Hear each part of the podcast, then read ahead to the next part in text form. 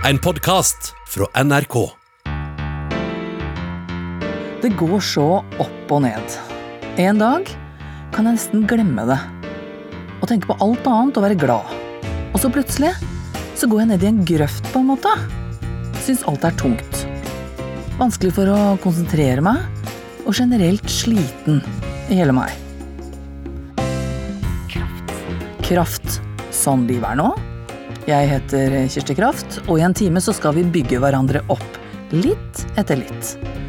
Og jeg kan starte med å fortelle at eh, den etablerte komikeren Lars Berrum har blitt til en ivrig sykepleier med munnbind for tiden. Og vi skal snakke om det som er moro, og det som er dødsens alvor.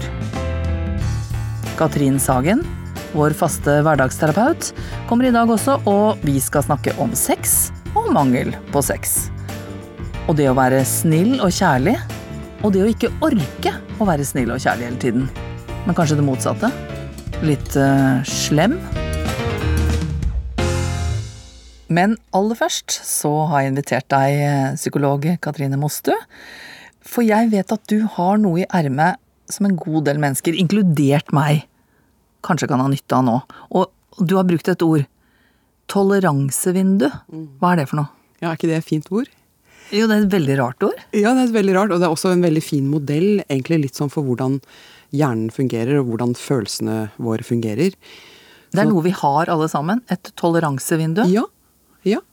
Ja. Og når vi er i toleransevindu, så kan du si at vi er liksom i en god mental tilstand. Altså innafor et vindu, Ja. ser jeg for meg nå. Ja, riktig. Vi er på glosset. Ja. Ja. Innafor der så kan vi liksom Da klarer vi å være her og nå. Vi klarer å ha ro inni kroppen. Vi klarer å lære. Vi klarer å tenke på en god måte. Så vi er i vårt ess, på en måte. Ja. Slapper av. Har det fint. Det liker jeg. Liker jeg. Ja. S. Vi er i vårt S. Ja. Og det er Men- der vi helst vil være. Ja. Mm. Men dette vinduet er sånn eh, Ja. Ja, det er jo en meter ganger meter, da, på en måte. ja, det kan du si. Altså, altså, det er litt sånn forskjellig størrelse vi har på dette vinduet. Toleransevindu. Hvis for eksempel, det er litt sånn avhengig av hva jeg har opplevd tidligere i mitt liv. Hvis jeg har opplevd veldig mye vondt, f.eks. i barndommen, så kan mitt toleransevindu være veldig lite. Som et lite kjellervindu. Altså at du, eh, Når du sier toleransevindu, så skjønner jeg jo det at når du kommer utafor karmene, Mm. så orker du ikke å tolerere. Altså da koker det over, eller det, du blir sint eller frustrert eller et eller annet. Ja, og det kan være litt viktig nå i disse vanskelige tidene som vi alle opplever. Fordi vi fortere enn før kanskje detter ned av dette vinduet, eller går opp eller går ut av dette vinduet på ubehagelige måter. Altså at vi kjenner vonde, vanskelige følelser og Når du sier gå, går ned, så skjønner jeg det. Altså, Mm. Da er det type deppe, lei seg, trist, tungt tungt, alt det der. Ja. Men når du sier man går over vinduet, hva er det som skjer da? Ja, da blir man litt sånn hyperaktiv. Da kan man nesten øh, sant, være, ha masse uro, masse stress, masse ja, vonde eh, følelser. Vanskelig å sitte stille. Det kan Type være sånn at man finner på alt mulig ting. Eh, Vi må gjøre noe, liksom. Vi må, Mm, ja. Og det skyldes av og til en uro, da. ja. Svært ubehagelig å være hyperaktivert. Ikke sant? Da kjenner man på et enormt stress. Og ofte så ja, liksom traumatisk stress inni seg. Men du, går vi mer eh, både overfor og nedenfor nå? Altså svinger det Det det er et godt spørsmål. Jeg, tror det, jeg merker at jeg gjør det, med mitt vindu i hvert fall. Det var derfor jeg spurte, for at jeg føler også sånn. Ja. At plutselig så kan jeg få en sånn derre Det går fint lenge, og så plutselig så, «Åh», så liksom faller jeg ned i en sånn derre Alt er håpløst-greie. Mm. Ja, og så kan kan jeg komme opp igjen. Ja. Etter en time eller noe sånt. Ja, bra. Riktig. Og der er du inne på at vi Det der å regulere følelser handler jo ofte om da å komme seg tilbake inn i vinduet. Altså regulere ned eller regulere opp følelser. Så det er liksom en ferdighet. Og dette med Ja. Og det er da jeg lurer på, Mm. fins det noen, i og med at det er litt eh, ja, humpete for tida, Mm. fins det noen måter å hjelpe seg inn i det vinduet på? Det gjør det. Det fins mange måter, og vi kan snakke om flere av de i dag. Jeg har noen tips, hvis du vil ha. Det var det jeg visste, at du hadde noe på luringa. Yeah. Altså noen råd, tips, måter å komme seg innafor, om det så er et kjellervindu, eller om det er et svært eh, panoramavindu du har. Ja. Så å få lov til å holde seg der. Komme tilbake. yes. Du har råd. ja, jeg liker veldig godt egentlig det, for at det, Nå er jeg psykolog og er veldig opptatt av mental helse, men jeg er også opptatt av å trene min egen mentale helse hver eneste dag. Og at eh, mental helse er ikke noe som vi eh, som er eh, noe vi skal snakke om når vi bare er syke, men det er like viktig å trene den da, som å trene kroppen. Du snakker sånn forebygging. Ja, forebygging. Normalisering og forebygging. Og ja, la, la oss, og det jeg vanligvis gjør da når jeg kjenner uro inni meg, det er at jeg setter meg ned og begynner å skrive. Det er min favorittstrategi. For med en gang jeg liksom setter penn på papiret, så bare rabler det av gårde. Og da skriver jeg liksom alt. Og jeg kan skrive liksom hvis jeg har mye selvkritiske tanker, som jeg ofte har, da, så skriver jeg de ned. Og med en gang jeg får de ned på papiret, så kjenner jeg at åh, da kommer jeg litt mer ned i toleransevinduet med en gang. Så det er tips nummer én. Tips nummer én er Hvis du du føler at det er liksom At du er ute, ute og sklir, ja. Så sette seg ned og skrive. Skal man da skrive akkurat hvordan man har det, eller? ja, du kan skrive hva du vil. Altså skriv helst hvordan du har det, både på godt og vondt. Bare skriv det ned.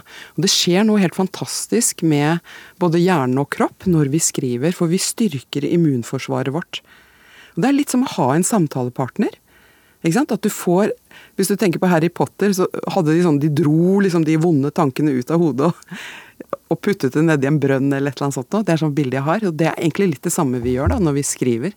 Så først er å skrive. Mm. Neste. Ja, det er pusten. Det fins kanskje ikke noe bedre verktøy enn det å puste. Og da gjør jeg det veldig enkelt. Jeg bare trekker pusten inn sånn. Teller til tre, og så holder jeg, teller jeg til én. Og så puster jeg ut på fem, og da får jeg passe på at liksom utpusten er litt saktere enn innpusten. Hva skal det hjelpe til for, da? Ja, det hjelper veldig med å, å aktivere kroppens eget beroligende system. For det heter det parasympatiske systemet, og det er ansvarlig for at jeg har sånne good feelings, da. Mm. Så det, så det betyr at det, du sier fra til kroppen at det slapp av med den derre sakte utpusten? Og legg merke til at vanligvis så er pusten vår styrt av noe helt automatisk. Så med en gang vi bevisst trekker pusten inn og teller til tre, så har vi allerede der tatt kontroll og skapt større mening over tilværelsen. Kjempefint. Pusten. Sakte ut igjen. Men når alle disse triste følelsene likevel kommer Ja, det er det vondeste. Ja. Mm. Jeg lurer på, er det noe med å si bare akseptere det, liksom? Er det noe der? Veldig mye der. Det han, og det å eh, regulere følelser handler veldig mye om å bare tørre å være med de. Og lytte innover eh, til kroppen. Så hvis jeg er liksom nedenfor vinduet, føler jeg liksom krabbe på gulvet, ja. så er det egentlig å si ja, du krabbe på gulvet, liksom. Dette er krevende. Er det ja, sant? altså Når jeg er der vanligvis, da, så klarer jeg ikke alltid å komme ut av det selv. Og det jeg ofte gjør da, er at jeg kan lytte på en eh, amerikansk psykolog som har lagt ut sånne lydspor, og hun sier sånne deilige ting som sånn This is a moment of pain. Eh, pain is a natural part of life. Ikke sant? Og da kjenner jeg liksom Å, det er så deilig bare Å, det er så sant, liksom. Ja. ja. Å, det er bra du sier det. Det er så sant. Nå kjente jeg meg igjen. Jeg er ikke alene Ja. om å kjenne denne smerten. Det kaller jeg akseptasjon, ja. Ja. Rett og slett. Og da kan det hende at man liksom vokser litt og kommer liksom seg inn i vinduet igjen. Det er riktig. Og, og da kan du også legge til et sånt spørsmål. Hva er det jeg trenger nå? Hva er det jeg trenger å høre? Hva er det jeg trenger å gjøre? Mm. Kjempefint. Flere ting, da? Ja, eh, altså det er jo dette med den selvkritikken, i hvert fall da er jeg veldig opptatt av det. At jeg merker at da går jeg ut av toleransevinduet mitt eh, fordi jeg hamrer løs meg selv og syns at jeg er så tjukk i huet og det er ikke måte på. Alle andre holder seg innafor, vinduet, mm. Jeg bare fyker ut. Er det sånn? Ja, helt. og mange tror ikke det, fordi de ser liksom De ser på meg så tenker de å ja, hun er vel flink og alt mulig sånn. Hun er alt på stell. Ja, alt på stell. Det har jeg absolutt ikke. Og den indre dialogen da, og der er det mange gode verktøy i forhold til det å trene seg opp til å bli sin egen beste venn. Og det tar tid. Det er en lang prosess. Dette er det vi kaller selvmedfølelse. Ja, riktig. Ja, altså at du ikke skal si oppfør deg som en dritt mot deg sjøl, rett og slett. Men at du skal si det er ikke så rart at det er vanskelig for deg nå. Mm, ja, det liker jeg. Det er ikke noe rart at du har det sånn. Og så gjerne skrive igjen, få ut den kritikken på papiret, og så virkelighetssjekk. Eller bruk den derre metaforen med en venn. Hva ville du sagt til en god venn akkurat nå? Og så skriver du det ned, og så kan du spørre deg selv er det sånn jeg snakker til meg. Og er ikke det, vet du. Nei. Er ikke det. Det er ganske grusomt å snakke sånn til andre, egentlig. Ja, og det burde ikke vært lov. Men så tenker jeg på eh, det med å organisere og sortere litt hos seg sjøl. Altså hvor mye man skal ta inn og sånn. Ja, det er viktig. Mm. Hva tenker du om det? Ja, jeg tenker sant, at vi kan ta større kontroll over hva som får lov til å påvirke oss. Eksempel nå så konsumerer vi nyheter. Mange som gjør det, har TV-en på hele dagen. Det vil ikke jeg anbefale. Personlig så ser jeg ikke på nyhetene om morgenen. Jeg ser klokken tolv til lunsj, så får jeg med meg de viktigste nyhetene. Og jeg ser heller ikke nyheter på kvelden, fordi da skal jeg gå og legge meg. Og det er fordi nyhetene er såpass grusomme. Det er dødsfall, det er tap, det er sorg. Det trigger mine egne tapsfølelser og sorgfølelser. Så eh, da får ikke jeg sove. Så du sier at et godt råd er rett og slett å organisere dagen din litt. Bestemme hva skal jeg ta inn, hva, eh, altså skal, hvor mye gode ting skal jeg ta inn, hvor mye litt ekle ting skal jeg ta inn. Lage seg en slags eh, Ja. gryterett av det. Absolutt. Ta Ja. kontroll, lag en plan. Eh, stol på den planen. Så i dag sier vi fire timer i skogen, to minutter nyheter, liksom. Ja. Ja. Det er sikkert ikke dumt, altså. Men så er det dette med Altså, jeg tenker man eh, kan jo gå i skogen og bare si Det er jo bare helt sjukt. eh, Ikke sant? Bare si negative ting til seg selv. Mm. Det er fort gjort. At det ikke hjelper noen ting. At du ikke hadde sittet og sett på TV. Ja, og nå når du spør meg om det, så er det jo litt sånn sant, at du vet at de følelsene lyver til deg. Du vet det, men du føler at det er riktig. Sant? Følelsene er veldig sterke, så det å lage det som man kaller for affirmasjoner, og det er på latin, når du oversetter det ordet affirmasjon, så betyr det bekreftelse. Og noe som styrker og stabiliserer. Hvordan lager man det? Jo, altså for eksempel du kan eh, tenke at 'jeg er sterk'. Sant? Når du er i toleransevinduet ditt, så vet du 'jeg er sterk'. Jeg gjør så godt jeg kan.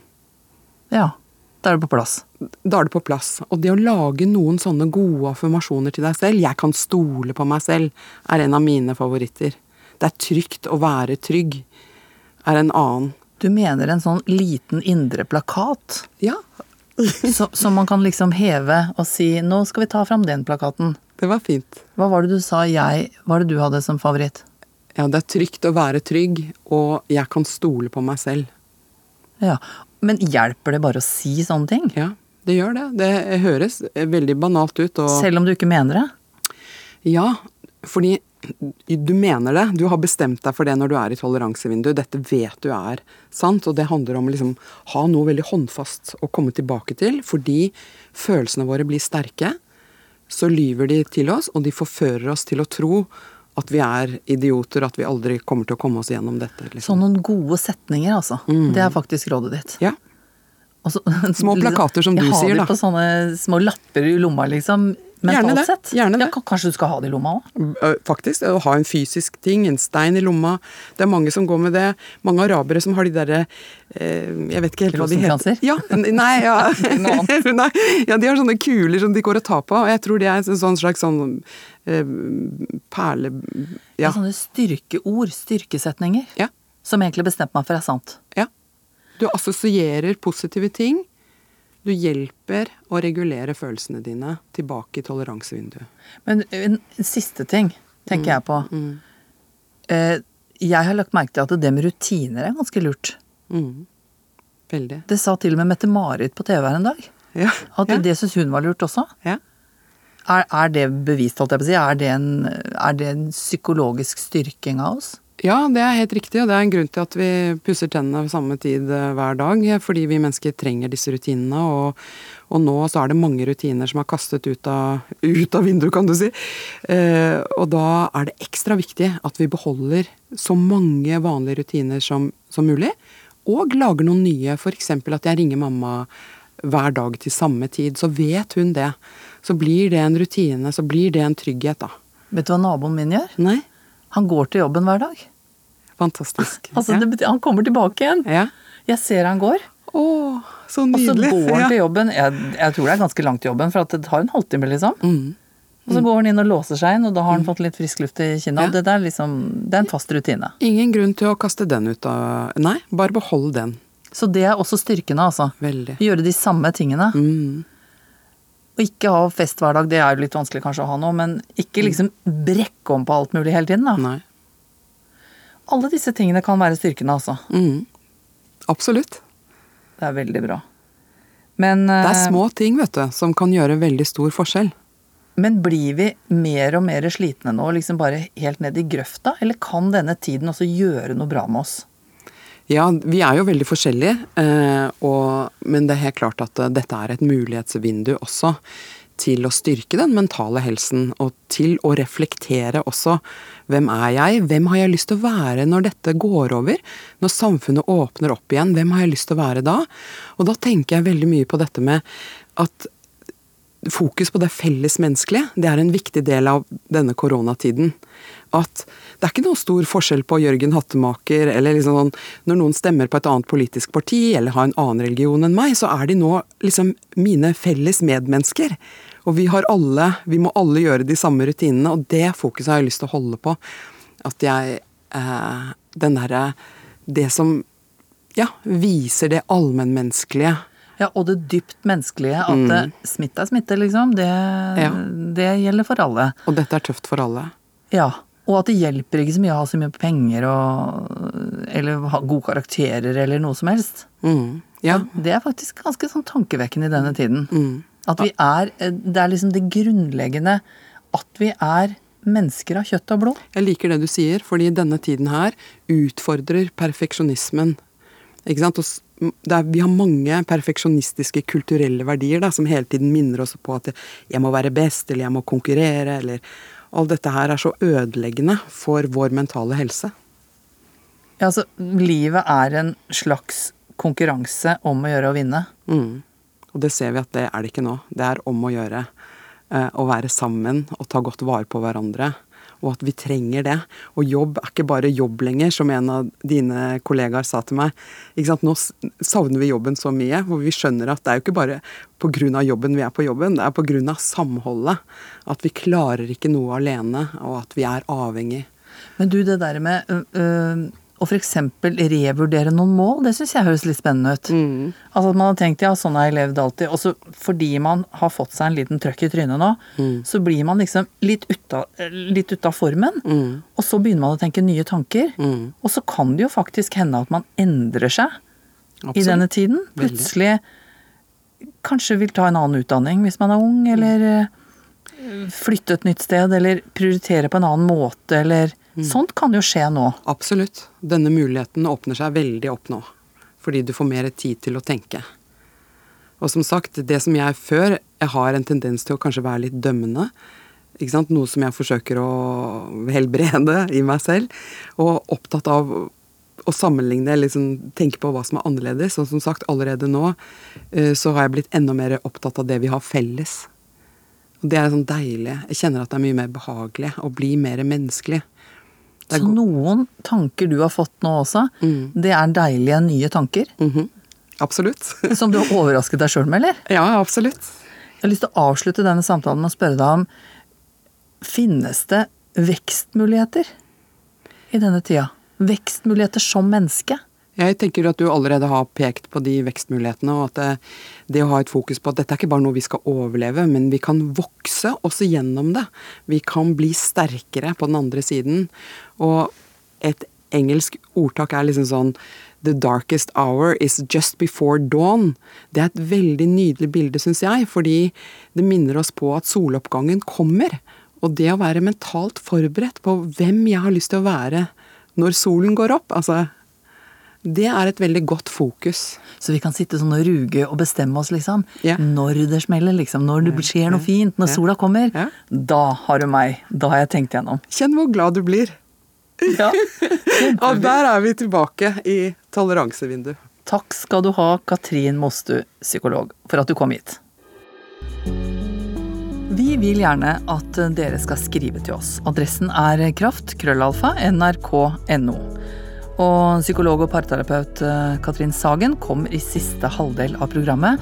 Og da skal det handle om relasjoner, om det å være mor, Datter, sønn, bestemor, eksmann, kjæreste, ja og ikke minst kjæreste skal vi snakke litt om i dag. Så skriv til oss. Adressen er altså kraft,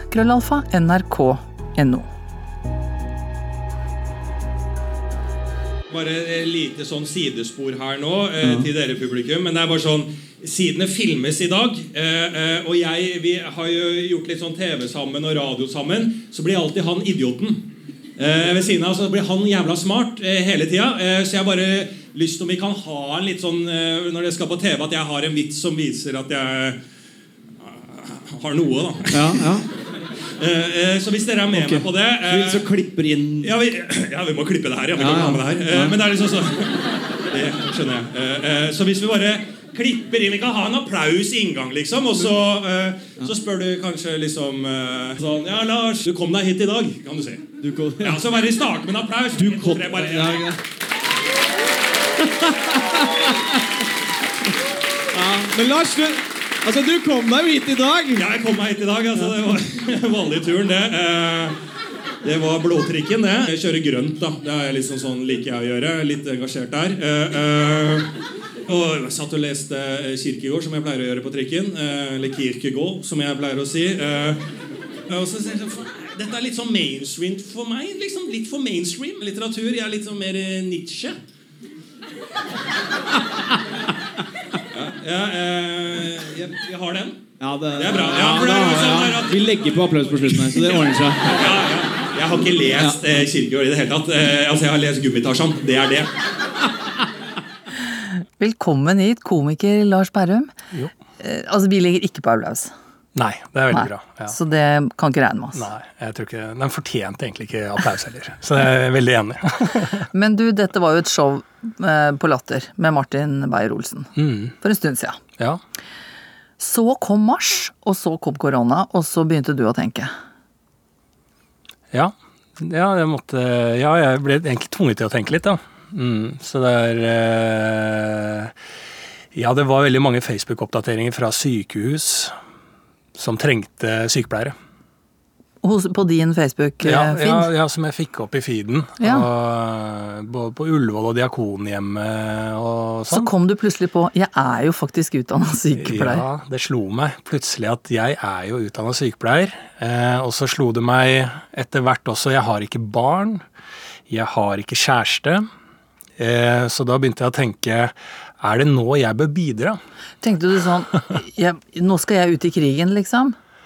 Ja, ja, egentlig i begynnelsen så tenkte jeg ikke noe mer over det annet enn at jeg følte at jeg måtte i hvert fall søke Altså at jeg ikke kunne, For da var det jo såpass tidlig den koronaen så man ante ikke helt hvordan det ble i Norge. Men man begynte opptrappinga og se at her må vi gjøre oss klare.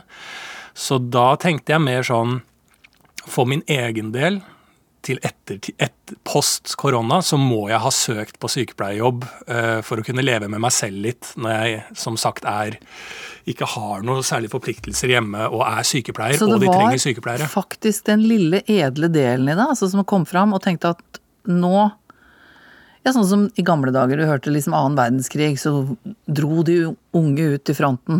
Ja. Det var liksom sånn liten bit. Ja, litt. Altså, jeg, jeg tenker noen ganger Eller jeg greier aldri å lande på om det er edelt, eller om det er drevet av uh, den lille narsissistiske delen. At jeg må selv føle meg bra altså, etter koronaen med at jeg kan si om meg selv og til andre at jeg faktisk søkte. Jeg skjønner. Så jeg vet skjønner. ikke helt hvor, Men hvilken del av meg det er. Historien er den at du har endt i løpet av noen søknader og noen greier på Diakonhjemmet i Oslo. Mm. Og du står på en avdeling i full sykepleieruniform og en slags sånn trakt som kommer utenfra inn til et sånt slags koronamottak. Mm. Hvordan er det? Eh, ja, nå har jeg vært der i eh, snart en og en halv måned, så det har blitt bedre. Det vel så, Nå tenker du på egne prestasjoner. egne prestasjoner og opplevelse. Ja. Eh, eh, blir, man blir jo vant, mer vant til hele pakka, på en måte. Men det var jo ni år siden jeg hadde jobba som sykepleier. Og da jobba jeg i psykiatrien. Nå er det på en måte somatikken, da, det kroppslige, så det er en del prosedyrer som Så det har vært litt sånn kaosperiode. Og at og liksom første dag så har jo jeg egentlig bare, som alle andre, lest om at det er et virus der ute. En bjørn på en måte som spiser opp hele verden.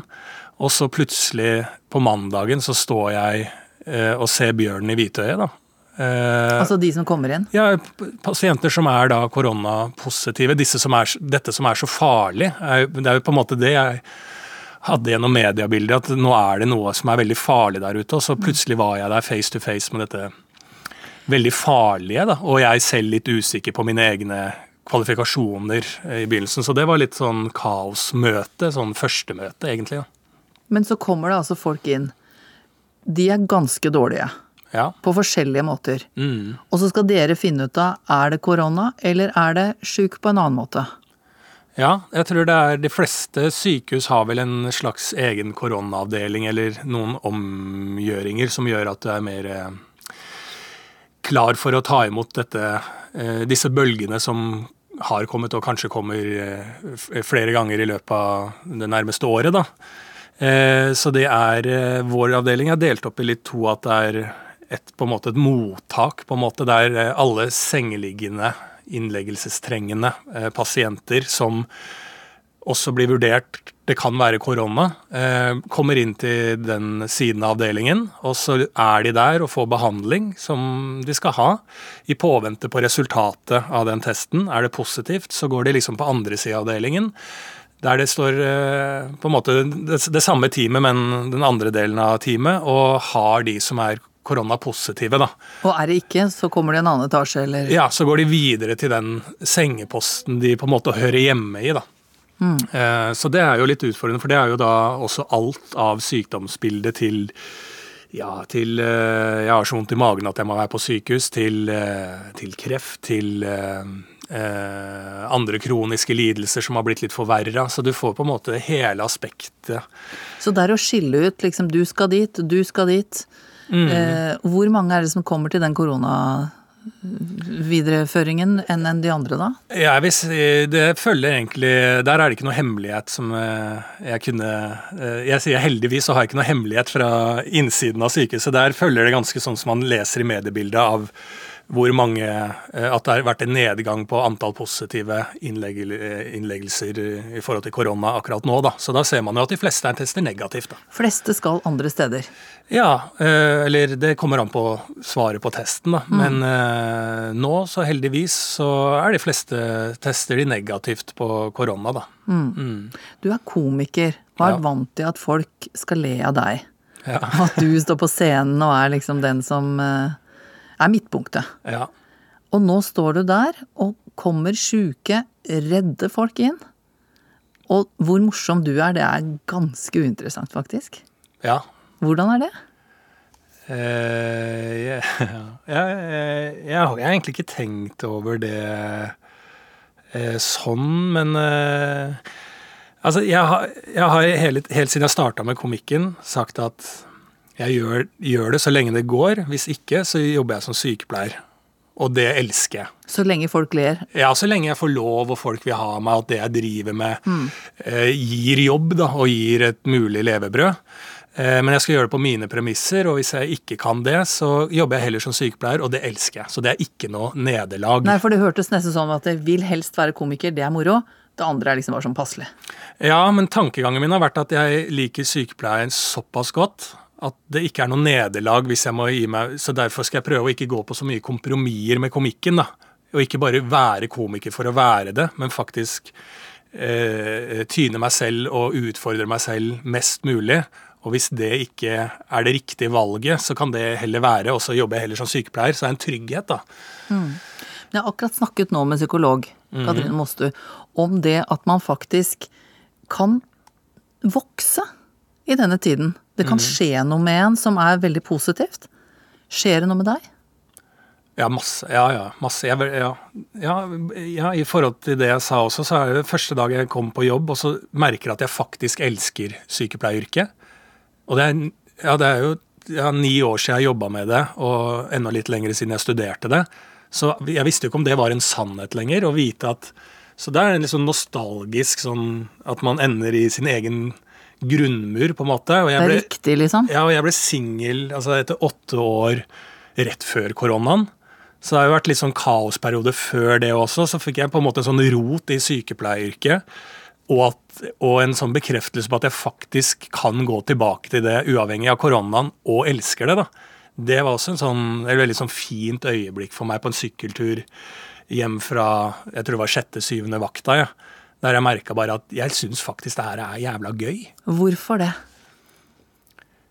Ja, altså jeg, jeg, jeg har savna, tror jeg, sånn underbevisst også i en lengre tid, å ha noe øh, den øh, For det er meningsfylt, da. Det var det jeg lurte på. Ja. Og det, Det er, er ikke komikk. mening, Ja. Jeg får ikke det ut av komikken. Uansett om jeg underholder på en måte 1000 stykk, og det går kjempebra, så gir jo det et helt sinnssykt kick, da. Men ikke det samme på en måte som etter en god vakt på et sykehjem, f.eks., der du har kontakt med folk som Altså, du det er viktig for mennesker at du faktisk er der, det er viktig, og de setter pris på det på en helt annen måte. Den, det det gjør med kroppen, det er eh, det er, et, eh, det, det, er, det, det er bedre enn eh, det adrenalinkicket etter en standup-opptreden, på en måte. Men handler dette om så grunnleggende ting som hva jeg har et liv, hva vil jeg bruke tida med kreftene mine på? Er, det, er vi der? Er det så alvorlig for deg? Ja, i, i forhold til hva jeg Ja, føler altså, rundt vil jeg bruke Jeg Ja. syns sykepleie er viktig. Nå kjenner det hele meg at nå er jeg inne på noe som er meningsfullt. Liksom. Dette vil jeg bruke kreftene mine på. Er du der? Ja, det er en del av det. Og så er det en del som gir meg mye som har vært borte lenge, som jeg merker nå. Altså sånn, det blir jo litt klisjé, men eh, var en eh, pasient som er blind, da, og så sier jeg, så sier jeg eh, Som har blitt blind, da. Og så sier jeg liksom ja, hvordan er det å bli blind i voksen alder? Eh, på en måte, Og så si, det verste er at jeg aldri får sett barna mine igjen, da. Ikke sant? Og det er jo dødt. På en måte Det å se barna er jo Personen lever jo videre, men akkurat den delen for den personen er jo dødt. da, Å faktisk se. Og det er jo litt sånn klisjésetning å si, men sånne type ting får man ved å jobbe med mennesker i, på et sykehus på, der du får livet veldig tett på. Og det igjen gjør noe med meg som menneske privat, og jeg får en ro på det som, er, som jeg mangla litt når jeg blir med i det underholdningssirkuset. Og, og, og det, det er jo veldig Du dras veldig sånn ego hele veien. Og alle andre rundt deg, vi snakker om oss selv.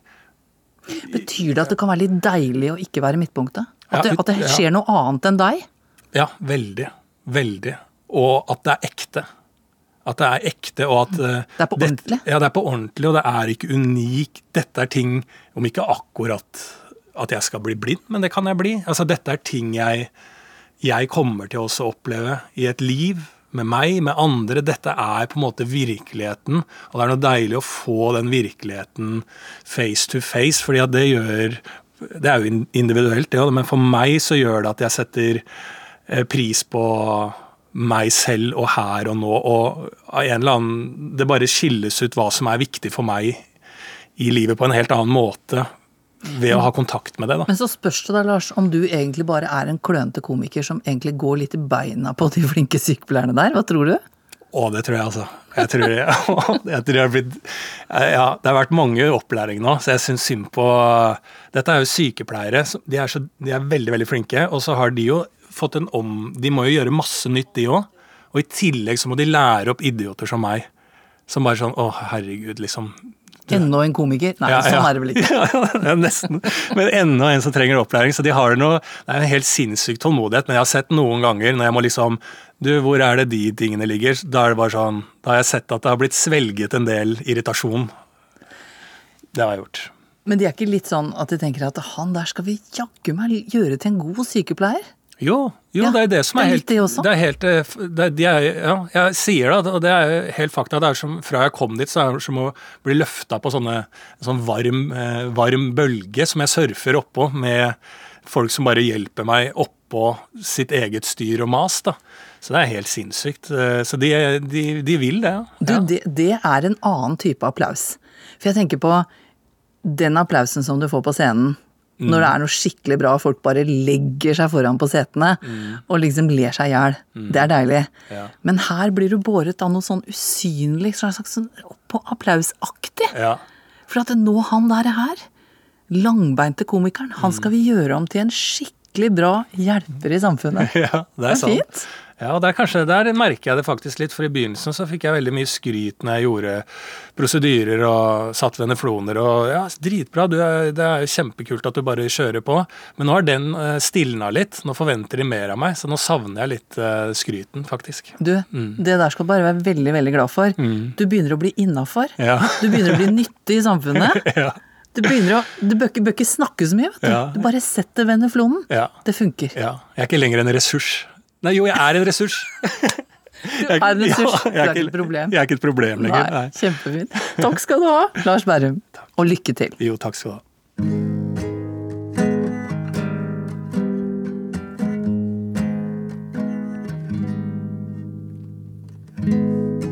Så du vil knekke med Det blir ikke særlig pent å sjå En voksen mann på kne Skjorte med snørr og tåru på Før du til glade grep for godt Var det et par ting jeg ville si Du kan umogelig ha fått kyss og klem på ei tid.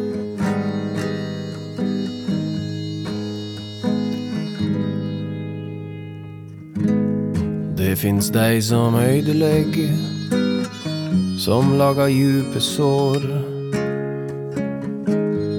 Kjenner flere råtne egg, som bare tenker på seg sjål.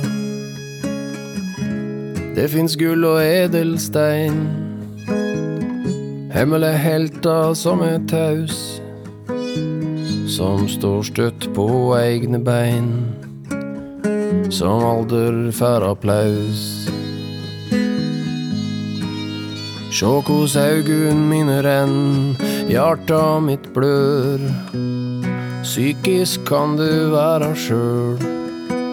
Kom hit og sett deg ned. Du kan vel sjå litt stort på det.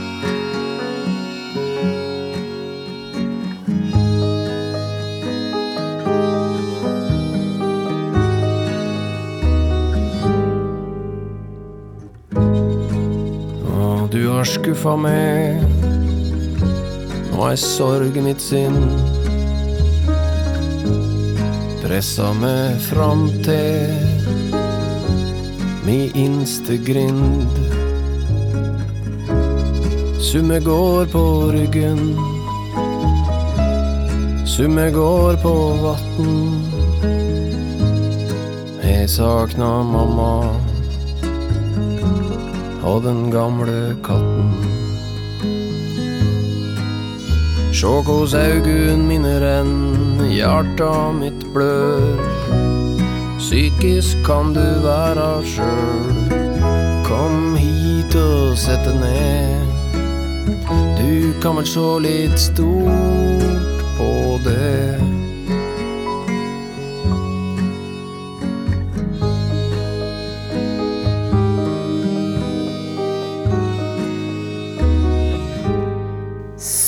Psykisk kan du være sjøl, sier eh, Stein Torleif Bjella. Det er ikke så lett å være kjæreste om dagen, eh, psykolog Katrin eh, Sagen? Nei, jeg tror at det er spesielt vanskelig nå om dagen når vi er så oppå hverandre og har så mye stress rundt oss, rett og slett. I dag skal vi rett og slett snakke om sex. Det skal vi. For det er også noe folk driver og sliter litt med for tida. Ja, vi har fått, eh, vi har fått flere henvendelser om det. Det, det ene er en kvinne som skriver til oss, og hun sier jeg lurer på hvordan jeg kan få opp sexlysten. Er nesten ikke intim med mannen min lenger og syns koronaopplegget ikke akkurat er opphissende. Vi går mye i joggedress hjemme og prøver å fokusere på hygge. Jeg synes det er viktig med kos, siden det er så mye stressende som foregår i samfunnet. Vet jo at mannen min gjerne skulle hoppet litt mer i høyet, men hva kan jeg gjøre, jeg har jo ikke lyst. Har nok egentlig nok med å holde ut i tiden. I går var jeg på joggetur med to venninner, og vi var inne på temaet. De kjente på det samme, de har ikke lyst på sex for tiden. Ja, Ja. sånn er det. Men hva gjør man med dette her? Jeg ser jo for meg, skal man da vrenge av seg joggebuksa og på med liksom eh, strømpebuksa og kjolen, eller? ja. Og late som det er fest, liksom? Ja, det, det, sex er jo liksom et tema som ikke vi egentlig er så gode til å snakke om i vår kultur. Sant? Vi ser eh, jo mye sex rundt i filmer og medier generelt, men jeg opplever også liksom med, med, med par, når de tar opp dette temaet i terapirommet, så er det liksom litt sånn Man er litt sjenert og keitete og er ikke så vant til å snakke om det, egentlig. Nei, kleint. Ja, rett og slett. Sant. Og det er, jeg tror at akkurat nå spesielt er det viktig at man prater litt faktisk om nettopp sex. Men du, da tenker jeg at man kanskje kan prate det i hjel også? Gå rundt i joggedressen og prate om alt som er vanskelig med sex? Ja, Kan det ikke bli enda vanskeligere da? jo kanskje, men man kan kanskje prate litt mer om hva man savner, eller hva man trenger. eller sånn, Det er jo så sårbart. Sant? Det er så lett å føle seg avvist og plutselig kjenne at når det blir mye nei, så liker du ikke heller meg, eller begjærer du meg ikke, eller syns du jeg ikke er attraktiv, eller får, sånne tanker. ikke sant? Så man kan noen, den ene parten, For det er jo ofte sånn at en har mer lyst enn den andre, sånn som hun beskriver. Det tror jeg mange kjenner seg igjen i. Så jeg tenker at det er noe med å utvide litt sånn der opplevelsen av hva, eller forståelsen for hva sex er, og få opp erotikken, ikke sant. Vi skal jo, det er jo et spill på en måte, eller sånn akkurat som annen type flørt, at man begynner å snakke litt og tulle litt med det, og liksom holde litt på med det, sånn, sånn, holde opp det temaet som en greie, og tørre å snakke litt om det, tørre å begynne å liksom flørte litt på den måten. Vi vet alle hva det betyr. Ja, for det var ikke bare tull det jeg sa med liksom på med strømbuksene og, og, og kjolen. For jeg tenkte at det, er det noe med å overraske hverandre litt? Og være borte litt, for eksempel. Komme tilbake. mm, Og liksom være litt fremmed plutselig. Mm, for man kan jo tenke sant, at akkurat det du sier er et veldig godt stikkord, det der med avstanden. Det ligger mye spenning i avstand. sant? Eh, Og nå når vi er oppe, er kanskje veldig lite avstand for tiden, når alt skal foregå hjemme, eh, og så er det mange som er mye bekymret. sant? Man har mye greier som foregår oppi hodet som vi tenker på. Vi er kanskje permittert, vi er redd for penger, vi er redd for masse greier. Vi baler med masse greier oppi hodet. Og så er det som at kroppen blir litt sånn avskrudd. sant? Eh, og at, at det ikke er så sexy, den bekymringsrollen eller foreldrerollen som vi driver mye med når barna er inne hele tiden, f.eks. For, eksempel, for de som har barn. Sant? Så det der jo Eller joggedressen, ikke sant. At, liksom, at det er et symbol på at vi, at vi ikke pynter oss for hverandre, på en måte. Eh, så der ligger det mye å hente, tror jeg. Det der med å virkelig tenke at ja, men ok, da får vi få opp litt det her med det, ja, men det seksuelle. Jeg tenker på det som en sånn tilstand vi er, ikke bare noe vi gjør. Men liksom vi flørter, vi går, nå går vi på denne frekvensen sammen. Eh, og så kanskje man trenger litt hjelp, da, at denne kvinnen kan si jeg syns Kanskje hun må ta motet til seg og si jeg skulle ønske at, vi, at det var litt mer sex. Og så kjenner jeg at jeg syns det er litt vanskelig å finne lysten. Og det er ikke liksom på deg, men det er liksom i meg selv. Men hva med om hun sier da f.eks. at nå går jeg inn på badet og tar meg et bad, har på noe god musikk osv. Og, og når jeg kommer ut igjen da, da har ungene lagt seg, da er ikke jeg mammaen til de tre ungene. Da er jeg kjæresten din. Ja, det er som å Det er verdens fineste oppskrift, det der. Det syns jeg absolutt hun skal gjøre. Og så syns jeg hun skal tenke på det når hun er på badet, og legge av seg mammarollen, legge fra seg bekymringene, og gå ut til mannen sin. Og det er de som går og vasser oppi hverandre hele tiden. Men jeg vet at vi har fått en mail fra noen som er langt unna hverandre. Sant? Her er det eh, en som skriver Vi er et par som blir sammen under studiene. Akkurat nå er kjæresten min i København for å videreutdanne seg. Han skulle egentlig flytte til Oslo nå før påske, men det har jo blitt utsatt på ubestemt tid. Jeg har lagt merke til at jeg er blitt mer og mer nummen eller kald i samtalene våre. Det er som at vi er mer venner enn kjærester. Holder det på å bli slutt nå, eller er dette vanlige avstandsforhold? Ja, akkurat de sitter på I hvert sitt land. Messenger eller FaceTime eller noe sånt.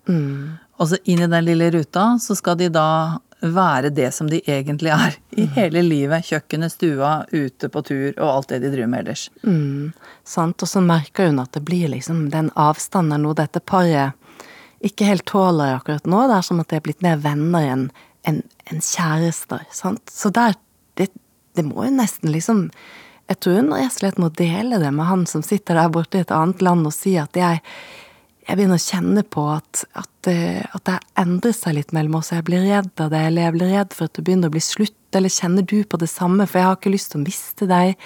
Ikke sant? At vi begynner å lage en felles plan, liksom. Men jeg mener at egentlig så har jo disse menneskene antagelig snakket litt, og så har de kost litt, kyssa hverandre litt, og så har de prata litt til. Og nå er det liksom bare praten som er igjen. Mm. Det er jo bare de to øynene i den firkanten, mm. og så er det liksom eh, munnen som mm. beveger seg. Ja. Og da kan man jo nesten bare være kamerater, da. Ja, eller så må man rett og slett åpne horisonten litt for hva det seksuelle rom, eller det intime rom, eller det erotiske, hvordan de på en måte kan finne en form som er ok for begge, eh, på hvert sitt sted gjennom en skjerm. Ja, ja. akkurat. Mm. Da sier vi at da må de i hvert fall snakke om det. det, det Eller så kanskje de bare må overraske hverandre. Også. Det kan de også. Kanskje den ene bare må være naken neste gang den ringer på Skype. altså når vi først er inne på antrekk, liksom. Ja. Men uh, det kan jo også være her at når det er alt er ribbet vekk, da. All pynt og fjas og all det at de kanskje er bedt i gode venner og har moro og danser og koser seg og sånn.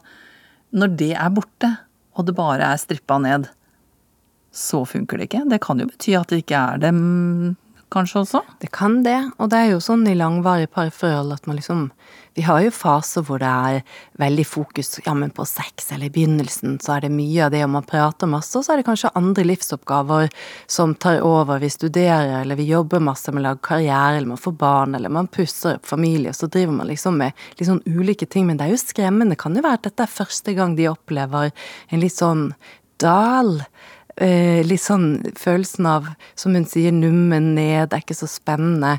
Men at det ikke betyr at forholdet er ødelagt. Men samtidig så Altså, man vet jo ikke. Noen parforhold er jo ikke ment for å vare lenge. Men du, når du sier det der ordet nummen, det syns jeg er ganske godt ord. Mm. Og det har jo vi snakka om før. Mm. Altså, vi lever i en litt sånn nummen tid. Mm.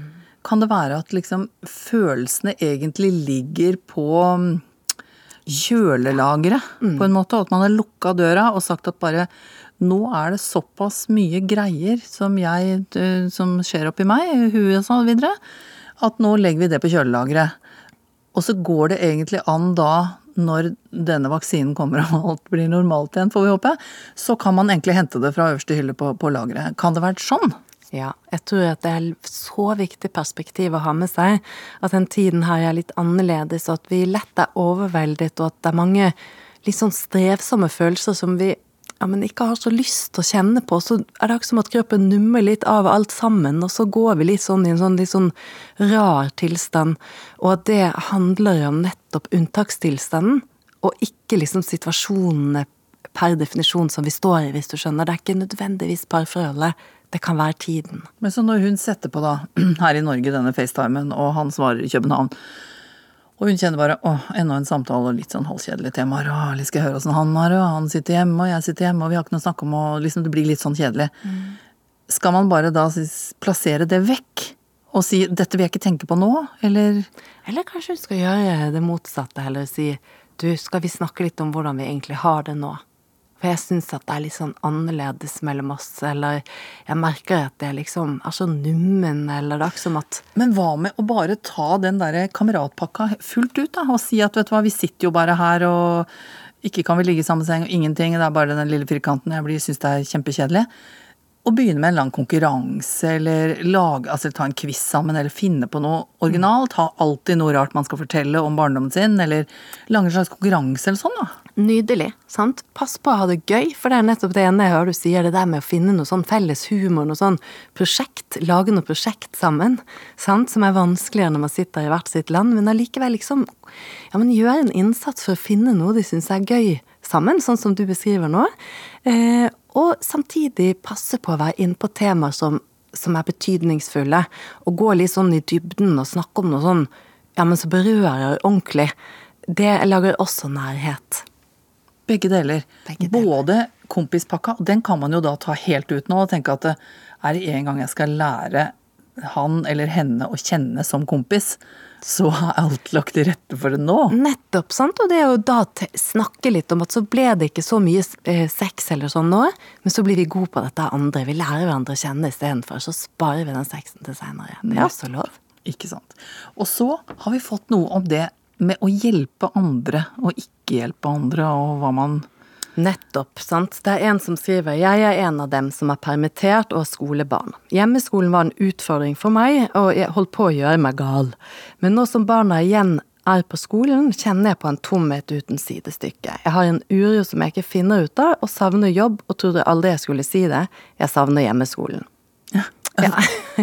Fordi at det er blitt stille, rett og slett? Fordi at det er blitt stille, sant. Ja. Så det er noe Jeg tror at den der eh, tomheten eh, og, og litt sånn ensomheten er, det mange som kjenner seg igjen i, sant. Fordi at jobben og, og det å, å bidra, det, det gir oss mening, og så gir det oss struktur. Og så er det noe sånn med det der å, å bidra til fellesskapet som er viktig for oss. Og når vi mister det, eh, så vet vi liksom Da, da føler vi oss liksom betydningsløse på en måte. Det blir sant? sånn, jeg får gå den vanlige turen min, da. Ja. Og så i regn og uvær. Og så er det hjem, da, og så er det samme, Sant, samme program på radioen, for å si det sånn. Ja, og nå, nå er vi jo i en sånn Vi snakker om dugnad, det har vi snakket om før, dette her er løftet og sånn. Og så hvis vi ser på studier, da, så viser forskning, eller det fremhever, eh, som en av de mest beskyttende faktorer når man er i en kollektiv eh, krise, som vi er nå, muligheten for å hjelpe til.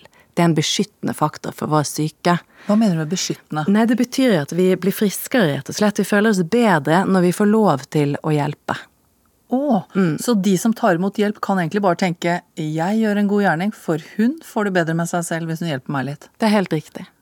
Sant? Og sånn kan man snu til seg selv også. Hvis jeg nå kan finne et sted hvor jeg kan hjelpe noen andre, så vil jeg føle meg bedre senere. Det vil hjelpe øh, meg gjennom krisen, på en måte. Men du, man finner jo ikke bare det. Man kan ikke ringe på til naboen og si du er jo over 75, så sånn Man- gjør vi jo ikke. Nei, vi gjør ikke det, men samtidig ser vi jo at folk gjør litt det nå. At vi henger opp lapper i oppgangen. ikke sant? Hvis noen trenger et, eh, hjelp til å handle, så si fra 'jeg bor i tredje etasje', osv. Det der skal vi fortsette med. Det lages grupper på Facebook i nabolag, hvor det er sånn nabolaget hjelper hverandre. Så man kan ringe til frivillighetssentraler for å melde seg på, eller man kan tenke 'har jeg noen i min omkrets som har barn og kanskje trenger hjelp med hjemmeskole, som jeg kan gjøre over Skype'? Fins det noe jeg kan gjøre sånn at jeg føler at jeg liksom har et sånn oppdrag, på en måte? Sant? For det er noe med sånn der eh, eh, hvis vi ser på liksom det der eh, barn på, Dette gjelder barn òg, nemlig. At barn trenger å få lov til å hjelpe og, og bidra litt, for å ikke liksom bli en sånn passiv part i en krise. Og når man ser på barn som har vokst opp i krig og okkupasjon og sånn, og så ser, da ser vi at de barna som har identifisert seg med motstandsstyrkene, de kommer liksom litt sånn bedre gjennom det, for da har de liksom vært med på noe sånn der eh, motstand eller et felles prosjekt, vært med å hjelpe litt til, og ikke bare vært en sånn passiv part som ble et offer for noe. Og der kan vi trekke litt paralleller til nå. Men du, for å gå da helt ned på det liksom lavterskelmåten her. Hvis man bare går inn på mobilen sin, og så ser man på kontaktene sine. Går gjennom han, hun, nei, ikke, nei, hun, han, nei, sånn. Og så kanskje Ja, hun har jeg glemt litt. Ja. Eh, Hun er lenge siden jeg har sett, du. Så gjør man faktisk selvhjelp ved å ta kontakt. Og så kan man bare ringe, eller så kan man fiske litt etter det. Ja, Sant? Og man kan sende en melding, eller man kan ta bilde av noe koselig og sende 'Jeg tenkte på deg. Lenge siden jeg har snakket med deg. Håper det går fint i den rare tiden vi er i nå', eller 'Si ifra hvis du trenger noe', eller Man kan gjøre litt sånn, selv om det kjennes litt, kan du hoppe ut i det. For det, hvis, akkurat nå så er liksom mange, veldig mange ganske åpne og milde. Fordi at vi sitter i samme båt, på en måte. Jeg legger merke til det når jeg går turer nå, jeg. Ja. Folk sier hei. ja. Og da tenker jeg de sier sånn Hei, du og jeg og korona, nå er vi her, liksom. ja. De sa jo aldri hei før når jeg gikk på gata. Så det er noe sånn, det gjør noe med oss, ikke sant? Så det, akkurat nå er det sånn bare å smi, liksom. Hvis man trenger å, å liksom få opp litt gamle vennskap eller, eller sånn. Så det er Ja, Det, det det jeg egentlig har lyst til å slutte med nå, Katrin, det er å si at det å være liksom snill, da, det er faktisk å være mest snill mot deg selv. Fordi du verner deg selv mot det derre tungsinnet som kan komme når du går den samme turen hver dag, og det er ingen som spør etter din, dine tjenester. Så må du ordne opp sjæl. Og du gjør noe for andre, men du er snill mot deg sjøl fordi du blir mer i balanse av det. Absolutt. Kjempefint. Vi møtes igjen om en uke, og adressen er kraft, krøllalfa, nrk.no. Vi vil ha betraktninger og tanker og spørsmål fra nettopp deg. Takk skal du ha, Katrin Sagen. When you walk through a storm, hold your head up high. And don't be afraid of the dark. Den nydelige gamle mannen på 99 år i England. Med alle medaljene på brystet som han fikk i sin tid. Etter innsats i andre verdenskrig. Han går 100 ganger rundt sitt eget hus for å samle inn penger til koronabekjempelse i et hardt rammet land. Og CNN oppdager han. 18 million pounds, that's 23 million dollars. What's your reaction? I'm absolutely overwhelmed by this sum of money. Og rundt påske fikk han sitt første gratulasjonskort i posten, denne Tom Moore. Og nå har det kommet over 120 000 postkort til han. It seems to be rising, and okay, what are we going to do with all those cards at the end of the day? Den tåren som faller på millioner av kinn i alle land når vi ser han, stavrende av gårde med sin rullator over gårdsplassen, den tåren kan kanskje være et symbol på vår felles styrke framover. Kraft, sånn livet er nå, kommer hver lørdag klokka 14.